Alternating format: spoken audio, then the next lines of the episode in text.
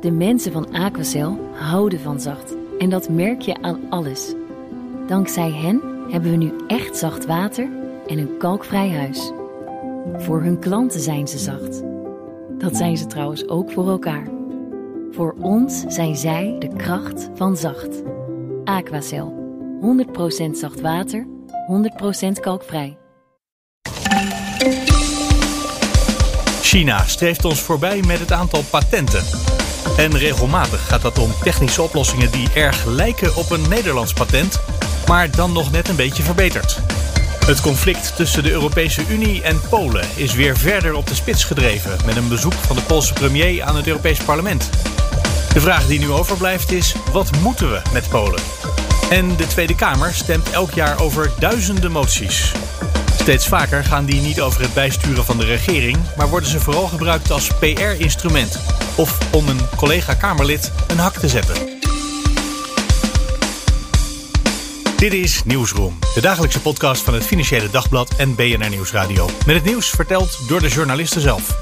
Ik ben Mark Beekhuis en het is vandaag woensdag 20 oktober.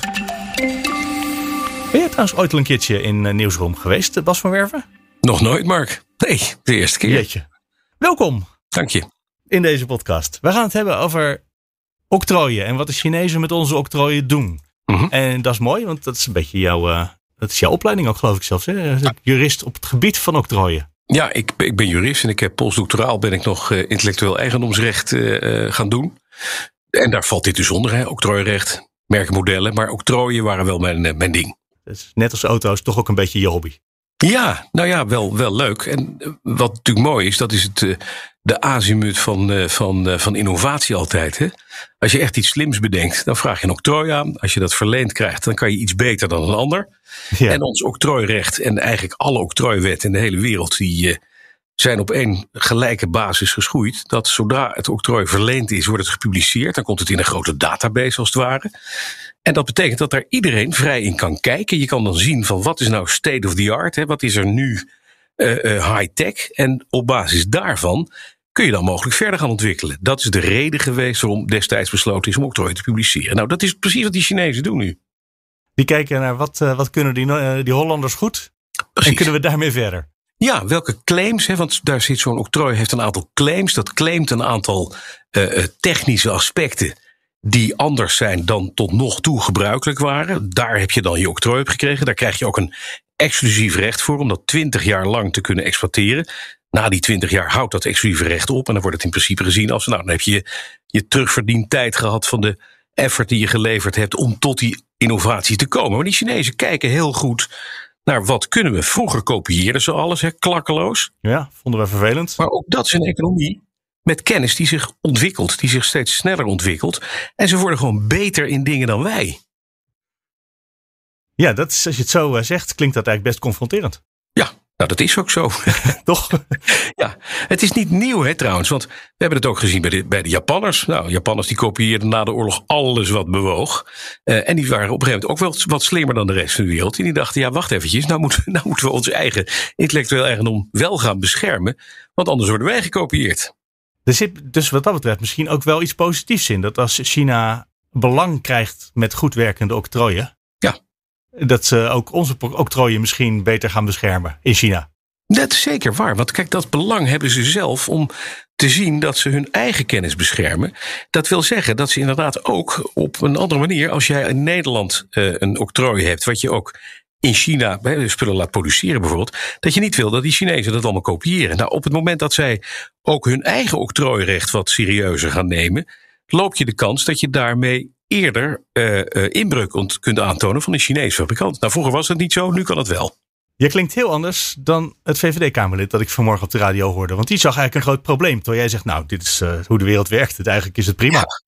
Zo hoort het dat ook, was ja. niet hoe de VVD het zei. Nee, en de VVD, ik vond het een beetje een raar standpunt. Eigenlijk dacht ik van ja, weet je, wat, wat de VVD hier zegt, is eigenlijk de discussie die we acht jaar geleden of acht tot tien jaar geleden voerden. Toen zeiden we ja, de Chinezen kopiëren alles. Maar de wereld is gewoon verder gegaan. We, we moeten leren leven met het feit dat mensen een kunstje, eh, ook andere mensen uit Azië, het kunstje beter verstaan dan wij. En, En daar eh, moeten we dan iets aan doen. Maar dat was niet wat, uh, wat in, de, in de Tweede Kamer bij de VVD dachten. Want daar zeiden ze. Het klonk eigenlijk nog steeds alsof ze alles van ons kopiëren en met onze ideeën ervan doorgaan. Maar daar zeg jij eigenlijk net, dat is de bedoeling van, van patenten en octrooien. Exact. Patent en octrooi mag je trouwens door elkaar heen gebruiken, ja. Mark. Dat is hetzelfde ding. Oké. Ja, maar het interessante is dus inderdaad, er wordt nu een discussie gevoerd. En uh, uh, Brekelmans, hè, dat VVD-Kamerlid, die zei vanmorgen ook: we moeten dit, we moeten dit stoppen, want uh, onze industrie leidt hierdoor schade. En ik zei dus: nee, onze industrie moet gewoon weer zorgen dat ze slimmer wordt. Dat we het nog beter doen dan de Chinezen. Mooi is, als die nu straks een octrooi aanvragen, weten wij wat de Chinezen bedacht hebben. En laat ons bedrijfsleven dan zorgen dat ze net weer die edge pakken door het net een beetje slimmer te doen. Ja, of we nemen gewoon een uh, licentie op dat uh, octrooi uit China. Ja, Toch? dat kan ook. Als ze het daar bedacht hebben, waarom zou je dat hier opnieuw gaan verzinnen? En het, het aardige is wat destijds gebeurde in China, was natuurlijk dat uh, veel staatsbedrijven die kregen subsidies, universiteiten bijvoorbeeld. Dus je zag een enorme plas aan octrooiaanvragen uit China komen. Waarvan je inderdaad dacht van ja, het gehalte is niet zo hoog. Maar ja, daarbij telde gewoon de kwantiteit en niet de kwaliteit hè, in eerste mhm. instantie. Hoe meer je deed, hoe meer geld je kreeg van de staat. Uiteindelijk heeft dat toch wel een groot, grote positieve spin-off gehad. Want daarmee hebben ze wel geleerd, door uh, ongebreideld te kunnen investeren in RD, net een beetje slimmer te worden dan de rest van de wereld. Nou, het is ze gegund. Ja, dus als je daar iets mee wil doen of tegen wil doen hier in Europa, dan moet jij gewoon bedrijven aanmoedigen om veel octrooien Precies. te bemachtigen. Ja, ja, zorg ervoor dat je dus een, een goede effort levert in je research and development. Dat je daarin investeert, maar dat je ook al in het voortraject daar, bij universiteiten bijvoorbeeld, dat je fundamenteel onderzoek antemeert. Nou, we weten allebei dat fundamenteel onderzoek is niet iets wat voorbehouden is tegenwoordig aan de overheid. Die investeert er geen dubbeltje meer in. Dat wordt het bedrijfsleven erachter doen. Het jammer is dat je daar misschien op een andere manier naar moet kijken. Dat als je kijkt naar onderwijsbeleid, en er wordt nu geformeerd in Den Haag, dat je zou moeten zeggen, eigenlijk moeten we daarop gaan inzetten. Willen wij die, die edge houden in de wereld? Willen we slimmer zijn? Willen we de kenniseconomie zijn die we zo graag willen zijn? Dan moeten we daar vol op het orgel, veel geld in investeren. En ook in het voortraject dat we slimme jongens en meisjes opleiden, die ons bedrijfsleven de nieuwe uitvindingen gaan brengen, die de Chinezen straks van ons willen licentiëren. Ja. En jij zegt, de edge houden. Maar eigenlijk zei in het begin al dat we die edge op het ogenblik kwijt zijn. Dus je moet we ja. terug veroveren. Ja, precies. Nou. Ga je gang. Opdracht voor Nederland. en nu ga je een podcast over auto's opnemen, denk ik, hè? Ja, maar het gaat over verbrandingsmotoren. Hè? Dat is, eh, dat is uh, ja. old school technology, heet dat. Worden daar nog patenten ook voor afgegeven? Voor nou, verbrandingsmotoren? Verbrandingsmotoren niet. Aardig, weet je, wat leuk is, inderdaad, als je kijkt naar de autoliteratuur, alles wat bedacht is op het gebied van verbrandingsmotoren, eh, eh, zoals turbo's, eh, compressors, al dat soort dingen, allemaal voor 1910 bedacht. Alles is toen al bedacht. De Italianen hebben ergens in de jaren 80, geloof ik, de Common Rail techniek voor dieselmotoren bedacht. Nou, dan heeft Mercedes nog een paar patenten op het aanspannen van, van gordels en, en airbags. En alles wat er voor het motorengebied was, 1910 en daarvoor. Bas van Werven, dankjewel. Graag gedaan, Mark. Hallo, Matthijs Schiffers van het Financieel Dagblad. Hallo, Mark. In uh, Brussel. Uh, we gaan het hebben over Polen. In Straatsburg. Uh, jij zit in Straatsburg, ja. Je hebt helemaal gelijk. Ik zeg Brussel omdat dat is een soort synoniem, wat natuurlijk ten onrechte een synoniem is. Even goed, we gaan het hebben over Polen. Misschien is de allerbelangrijkste vraag: wat moeten we met Polen?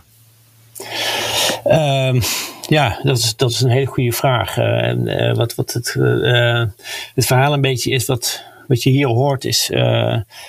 kijk, Brussel heeft vaker conflicten op het bordje liggen, zeg maar, die opgelost moeten worden. En dan is er ook wel zicht op een oplossing. En daar wordt dan heel langzaam naartoe gewerkt met allerlei compromissen en blitsen naar maren. Maar, um, zoals hier iemand gisteren verzuchtte, in dit geval is compleet onduidelijk wat de oplossing zou moeten zijn. Er is, er is geen zicht op een uitweg. Heeft Polen dat wel? Het gaat natuurlijk over de vraag of uh, het Poolse recht boven het Europees recht gaat of andersom. En iedereen vindt, behalve de Polen, dat het Europese recht belangrijker is. Maar heeft Polen daar een oplossing voor hoe wij dan met ze kunnen samenzitten in één Unie? Nou ja, Polen, eh, de, de Poolse premier uh, Morawiecki, ik weet niet goed hoe ik zijn naam moet uitspreken, maar de Poolse premier Morawiecki, die er gisteren dus was, die blijft iedere keer benadrukken van wij zijn er echt absoluut, absoluut niet op uit om de Europese Unie te verlaten. Hij noemde de Europese Unie zelfs de beste plaats onder de zon. Um, nou, mooi. Um, maar ja, vervolgens doet zijn regering wel allerlei dingen die enorm op gespannen voet staan met de regels van, van Brussel. En daar zijn ze tot nu toe redelijk mee weggekomen. Dat wil zeggen, ze zijn wel op allerlei manieren op de vingers getikt. Maar de echte consequentie, het, het stopzetten van subsidies bijvoorbeeld, die uh, die, die, hebben ze nog niet gevoeld. Hoewel hun herstelplan, goed voor 36 miljard aan leningen en subsidies, natuurlijk niet is goedgekeurd nog door Brussel en ze dus voorlopig kunnen fluiten naar het geld. Nou, we hebben natuurlijk ook al wel eens gehad dat we geen verdachten meer naar Polen gingen uitleveren. En dat we toen wel mensen vroegen een uitlevering naar Nederland vanuit Polen. Dat die toen heel symmetrisch ook werd geweigerd. Dus er is, er is al wel in de afgelopen jaren iets aan het opbouwen hè, van echte ja. vrevel.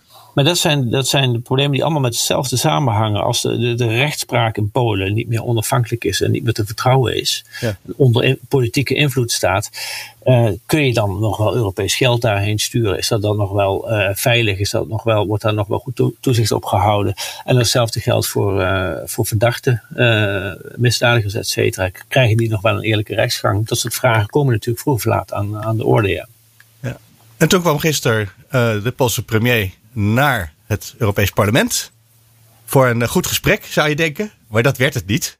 Het werd eigenlijk een soort, uh, het werd bijna een soort scheldkanonade over en weer. Toch? Ik heb niet alles gezien, alles gezien maar ik heb een paar fragmenten gezien. Het, het zag er niet subtiel uit. Nee, het, het, normaal zijn die debatten in het Europees Parlement echt uh, ja, niet te harde, zeg ik altijd. Het is uh, ongelooflijk saai en langdradig. En dat komt ook door de hele opzet van die debatten. Dat mensen gewoon statements afgeven waar niet op gereageerd wordt. Ja. Maar gisteren uh, vlogen de vonken er vanaf bij, bij Vlagen. En dat, die, die, waarom kwam die Poolse premier hierheen? Dat is natuurlijk toch de grote vraag waar iedereen mee worstelt. Kwam die nou proberen begrip te kweken voor de Poolse situatie? Nou, dat, dat was misschien de hoop bij deze of gene, maar daar bleek uh, al snel niks van, van waar te zijn. En inderdaad, uh, want daar ging hem het gestrekt been in. de, als hij al een olijftak heeft liggen ergens in Warschau, dan heeft hij hem thuis gelaten. Ja, dus wat kwam de man doen? Nou ja, de gedachte is hier dat dit hele optreden natuurlijk uh, vooral voor het thuispubliek was. Van kijk mij eens eventjes in, in Straatsburg in dit geval. De mensen daar de waarheid vertellen. Uh, ja. En dat, dat gaat natuurlijk uh, ook rond in Polen. En dat zou dan goed kunnen zijn voor zijn populariteit. ik dacht bijna zijn er misschien verkiezingen in Polen binnenkort. Dat hij eventjes zich moet profileren hierbij. Maar nee, dat is geloof ik niet, hè? Nee, daar is, daar is geen sprake van. Maar goed, het is, uh, kan af en toe toch geen kwaad om, uh, om, uh, om eventjes te laten zien waar je voor ja. staat, et cetera. Het mooiste gevecht ging natuurlijk over de spreektijd die hem was toebedeeld. Normaal gesproken krijgt de spreker vijf minuten in het Europees parlement. En de regeringsleider krijgt dan vaak tien minuten. ze hadden dat van tevoren al onderhandeld. De premier kwam op zijn eigen verzoek. Hè. Hij was niet uitgenodigd, was op zijn eigen verzoek. En had, had bedongen dat hij 15 minuten mocht praten. Maar hij was op een gegeven moment al, al over een half uur heen. En toen zei die voorzitter van, uh, jongen, breid er eens een eind aan, alsjeblieft. En toen was het van, uh, val me niet in de reden, et cetera. Dus ook de spanning zat aan alle kanten van het, van het Ja, daar zocht hij het ook op, had ik het idee. Want hij, ja, hij werd gevraagd om af te ronden. En als je dan heel hard, val me niet in de reden. Dat klonk alsof hij, nou ja, wat in onze Tweede Kamer ook wel gebeurt. Zodat er YouTube-video's worden opgenomen in plaats van debatten gevoerd. Uh, ja, wat ik zeg, dit, dit, dit is dit misschien heel goed bij zijn achterban. Uh, kijk, eh, ik laat me niet de, de waarheid vertellen door die, die mensen daar in, uh, in Brussel. En ik, ik laat me ook niet vertellen hoe lang ik mag praten. Kijk, ik ben van af. Um, deze is natuurlijk wel een oplossing, want vroeger of later zal Polen toch weer in het gareel komen, toch? Het kan bijna. Of, of Europa stopt te bestaan, dat is dan ook een optie.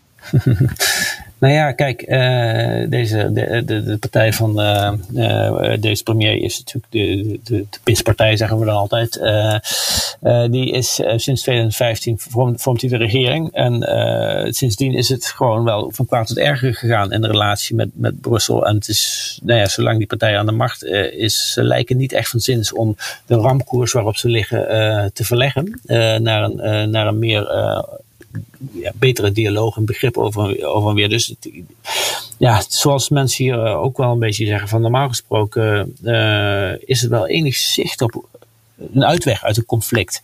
Nou, dat is iets wat, uh, waar Brussel op zich wel goed in is. Ik bedoel, ze worden de hele dag geconfronteerd met conflicten. En die kunnen soms heel lang slepen, maar er is altijd wel een, een, een, een, een, enig zicht op een uitweg. Van waar, daar ligt de oplossing en daar moeten we naartoe werken. En in dit geval, verzuchtte gisteren iemand, is, we hebben, is dat compleet onduidelijk waar, waar de oplossing zou moeten zijn. Want de partijen staan echt lijnrecht tegenover elkaar.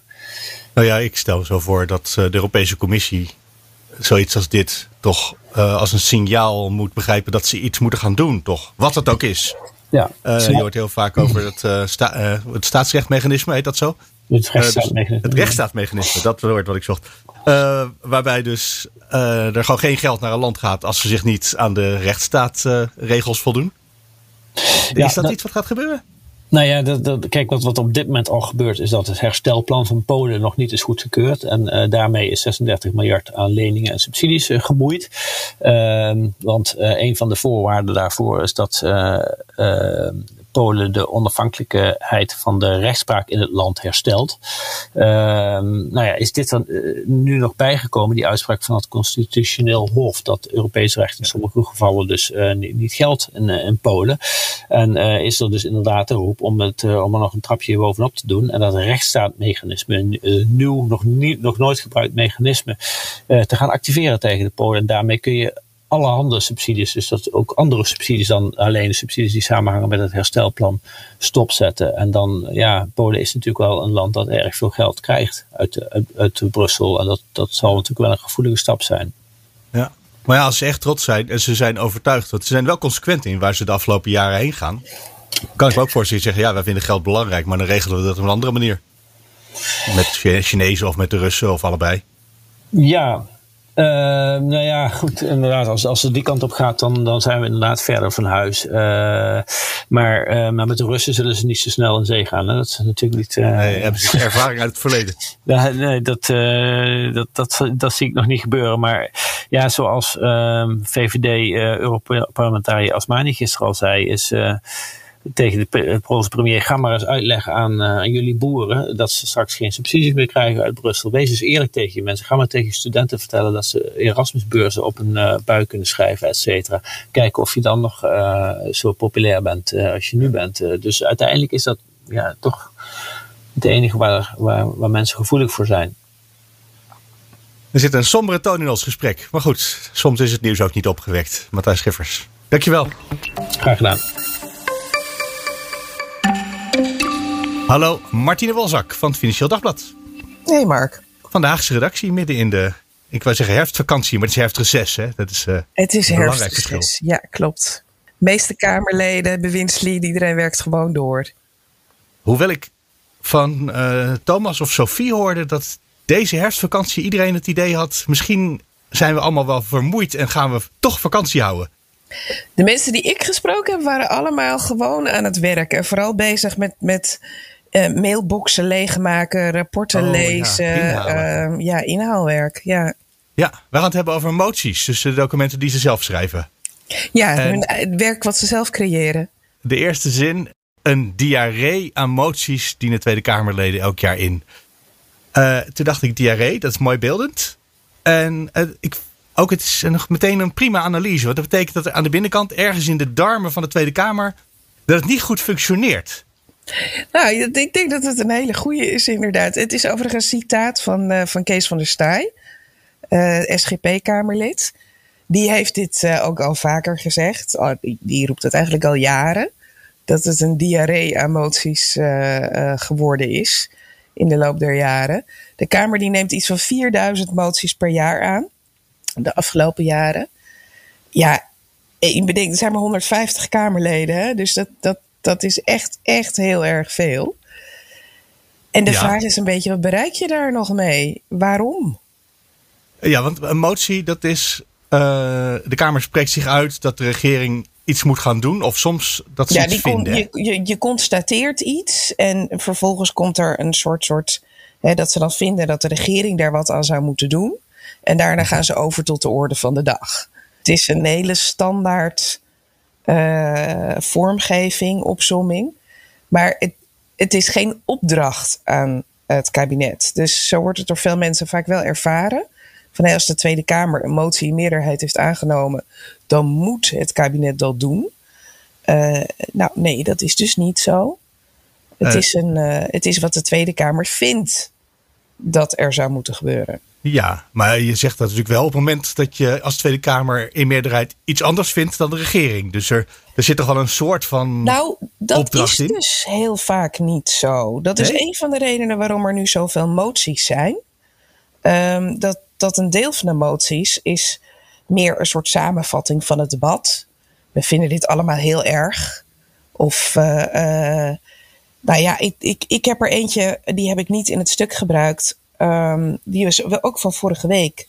Dat gaat over het, eh, ehm, de kinderopvangtoeslagaffaire.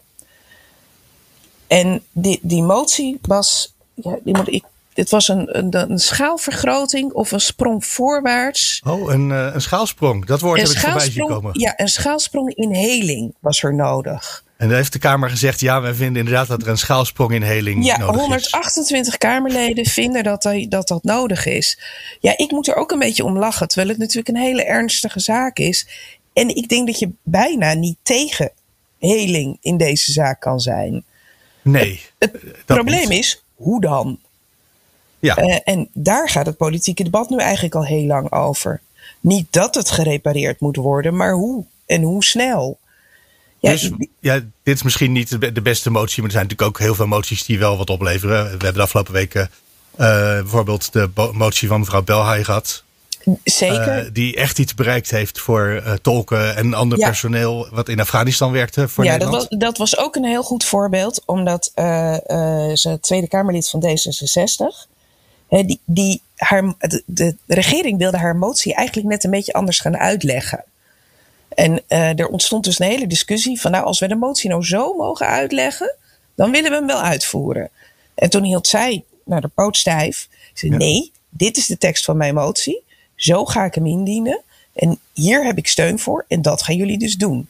Terwijl wat er heel vaak gebeurt, is dat er dan dus wel mee bewogen wordt. En dan of wordt de motie in zijn oorspronkelijke vorm aangenomen.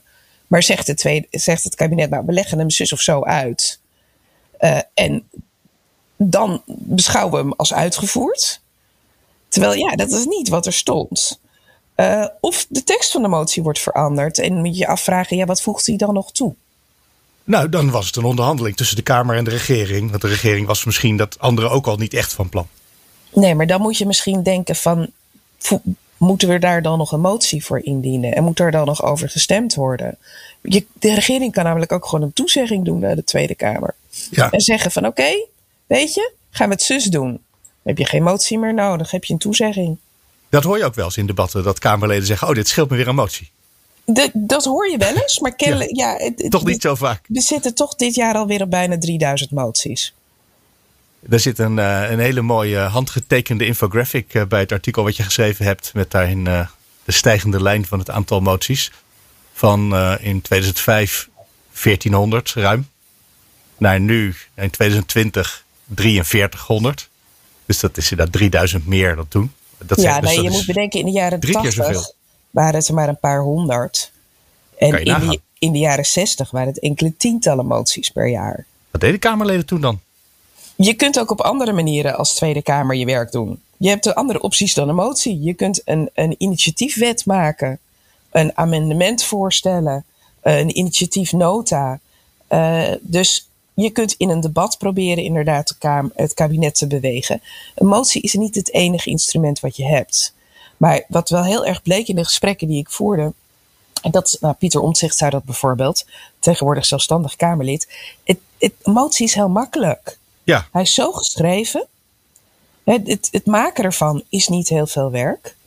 Eh, maar met z'n allen bij elkaar erover stemmen. Bijvoorbeeld vorige week waren 150 moties.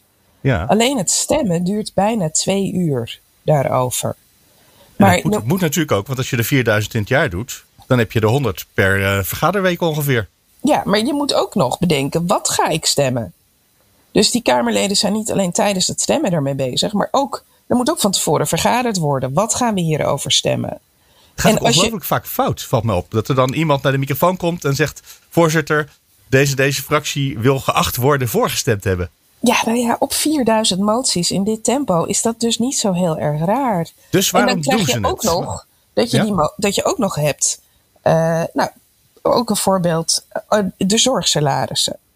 Hè, De, ehm, de motie in september heeft ook veel aandacht gekregen. Hij had ook een Kamermeerderheid. Een motie van de ChristenUnie en SP voor hogere salarissen voor zorgpersoneel. Daar had SGP tegen gestemd. En je, dan krijg je allemaal. En trouwens, de, de, de andere regeringspartijen ook. Krijg je al die screenshots op Twitter en op Facebook. Schande. Terwijl in dit geval de SGP er niet ging om de hogere zorgsalarissen, maar om de financiële onderbouwing. Die wilden niet dat het puur uit winstbelasting gefinancierd zou worden. Nou, zo is het natuurlijk heel vaak bij die, die screenshots die partijen dan delen. Dat, dan staat er alleen maar een kopje eh, voor hogere zorgsalarissen. Nou, die waren tegen. Oh, die zijn dus tegen hogere zorgsalarissen.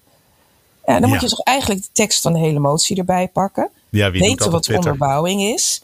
En dan pas kan je beoordelen, ja, waarom zijn ze hier tegen? Maar voor partijen om voor 4000 moties per jaar per motie uit te gaan leggen. Hier was ik voor en daar was ik tegen en daarom. Je hebt maar 150 Kamerleden. Het is, het is, het is een heel circus wat ze dan optuigen. Het is niet te doen. Dit is waarschijnlijk wel de reden waarom er zoveel moties zijn. Omdat je het in de propaganda goed kan gebruiken. Het is een, ook zeker een van de redenen. Het, het is dus wat jij zei van een motie. Daarmee hoor je het kabinet te corrigeren. Nou, het Ja. is dus steeds, steeds vaker zijn het moties om elkaar te corrigeren in de Kamer. En elkaar mee om de oren te slaan. In plaats van het kabinet. En misschien is dat nog wel logisch ook. Als je merkt dat de regeringscoalitiefracties heel dicht bij de regering staan. Dan kan je natuurlijk je pijlen op de minister richten. Maar ook op eh, veel zichtbaarder de mensen die naast je in de zaal zitten.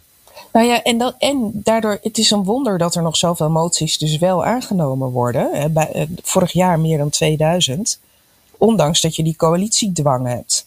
Die regeringspartijen die elkaar zo vasthouden. Maar ja, dat zijn dus heel vaak ook ja, een beetje onschadelijke moties. Dus de, daarmee ben je inderdaad niet meer de wereld aan het veranderen. Ze zijn er natuurlijk nog wel, hè, de moties die de wereld veranderen. Mhm. Uiteindelijk zijn die zorgsalarissen er wel gekomen. En ze worden grotendeels uit de winstbelasting betaald. Ehm, we hebben vorige week het voorbeeld gehad van de Tweede Kamer die tegen eh, premier Rutte zei: Wij willen eh, dat er gekeken wordt naar Europees geld naar Polen. Als zij niet een Europese rechts, eh, wetgeving willen houden, dan ook geen geld. Ja, dat, dat zijn wel moties die ertoe doen. Dus het hele instrument nou bij het vuilnis zetten is ook niet de bedoeling. Nee, nee, nee, nee, zover waren we geloof ik ook nog niet. Wat ik ook aan het grafiekje zie, is dat het aandeel wat aangenomen wordt ook langzaam toeneemt. Dus als jij net zegt, er zijn ook eh, onschuldige moties. Die gewoon iedereen, ja hoor, dat zijn we allemaal wel voor. Of Ja. eh, het wordt aangenomen en we negeren het, want dat kan ook. Dat suggereert het wel, hè, dat, het, dat er steeds meer van dat soort. Want als 1 op de 3 vroeger en nu 1 op de 2 wordt aangenomen. Ja, dan is het aandeel onschadelijke moties toegenomen. Dat, dat, dat, dat suggereert dat wel. Een analyse daarvan om per motie zou heel interessant zijn, maar ik, ik denk dat dat mijn eh, eh, pet nu te boven gaat. Nee, dus dat er een academicus is die Ja. zich daar precies over wil buigen. Dat moet iemand zeker gaan doen. En dan graag een stuk met jou maken hierover. En het is een recht hè, van Kamerleden. Dus het is niet zomaar dat de Kamervoorzitter kan zeggen... eh, uw, eh, uw quotum is op voor dit jaar. Nee, en dat, dat zou je natuurlijk kunnen voorstellen. Eh, maar uiteindelijk gaan de Kamerleden er zelf over. Ja. Die, die bepalen zelf wat de spelregels zijn voor het invoeren van moties. Vroeger bijvoorbeeld had je steun nodig van vijf andere Kamerleden. En misschien komt jou dat nog wel bekend voor. Dan werd er gezegd: Is deze motie voldoende ondersteund? Dat is het geval. Ja. nou, Meteen eh, erachteraan. maar ja, dat die is zin is weg afge- inderdaad. dat is afgeschaft, want het was altijd zo.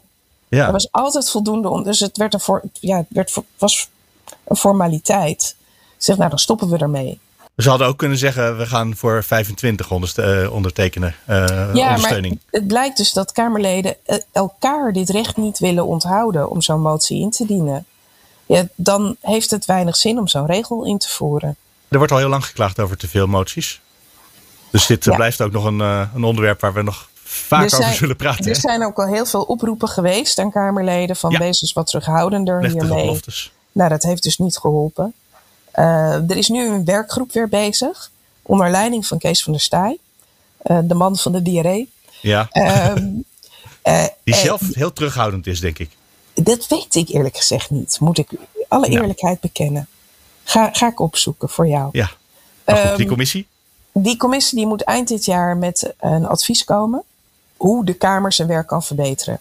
En die moties zijn daar een onderdeel van. Het is niet het enige eh, waar ze naar kijken. Ze kijken ook naar andere, andere punten. En ja, ik weet niet of ze ook, ook hiermee eh, nog met een, een geniale vondst gaan komen. Om dan te zorgen dat de motie weer een beetje aan kracht gaat winnen. Nog één laatste vraag. Als die moties, want je zei al, het is een, eh, eigenlijk vooral een verzoek aan de regering. Worden ze uitgevoerd in de praktijk? Gebeurt er iets mee? Of is het inderdaad toch vooral eh, voor de bühne? dat wisselt. Ehm, in principe laten ministeries regelmatig zien hè, hoeveel, welke moties ze hebben uitgevoerd en hoe ze dat hebben gedaan. Maar de controle op of een motie wordt uitgevoerd, ja, die is ook niet echt sluitend. Dat moeten Kamerleden in principe zelf doen. Als zij een motie ingediend hebben die aangenomen is, moeten ze zelf gaan controleren, wordt die ook echt uitgevoerd. Ja, en daar schiet het ook nog wel eens bij in. Als je er 2000 hebt, is dat namelijk nogal Ja, veel. dat Hè? is administratie die je moet bijhouden. Dus dat, dat is een probleem. Eh, en bij sommige moties, zoals ik al zei, ja, hoe bepaal je wat is uitgevoerd? Wanneer is er sprake van een schaalsprong in heling? ja, dat blijft een formulering. Maar goed, Hoe meet je dat? wordt hij de welzak?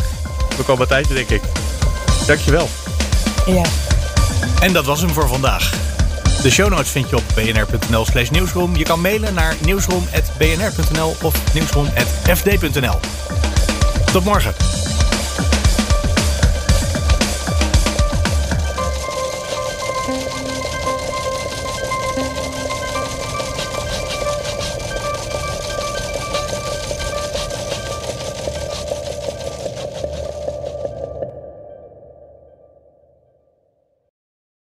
Ben Olivier van Solft. Betaalt u te veel huur of huurt u te veel kantoorruimte? Solft heeft de oplossing. Van werkplekadvies, huuronderhandeling tot de verbouwing. Wij ontzorgen u.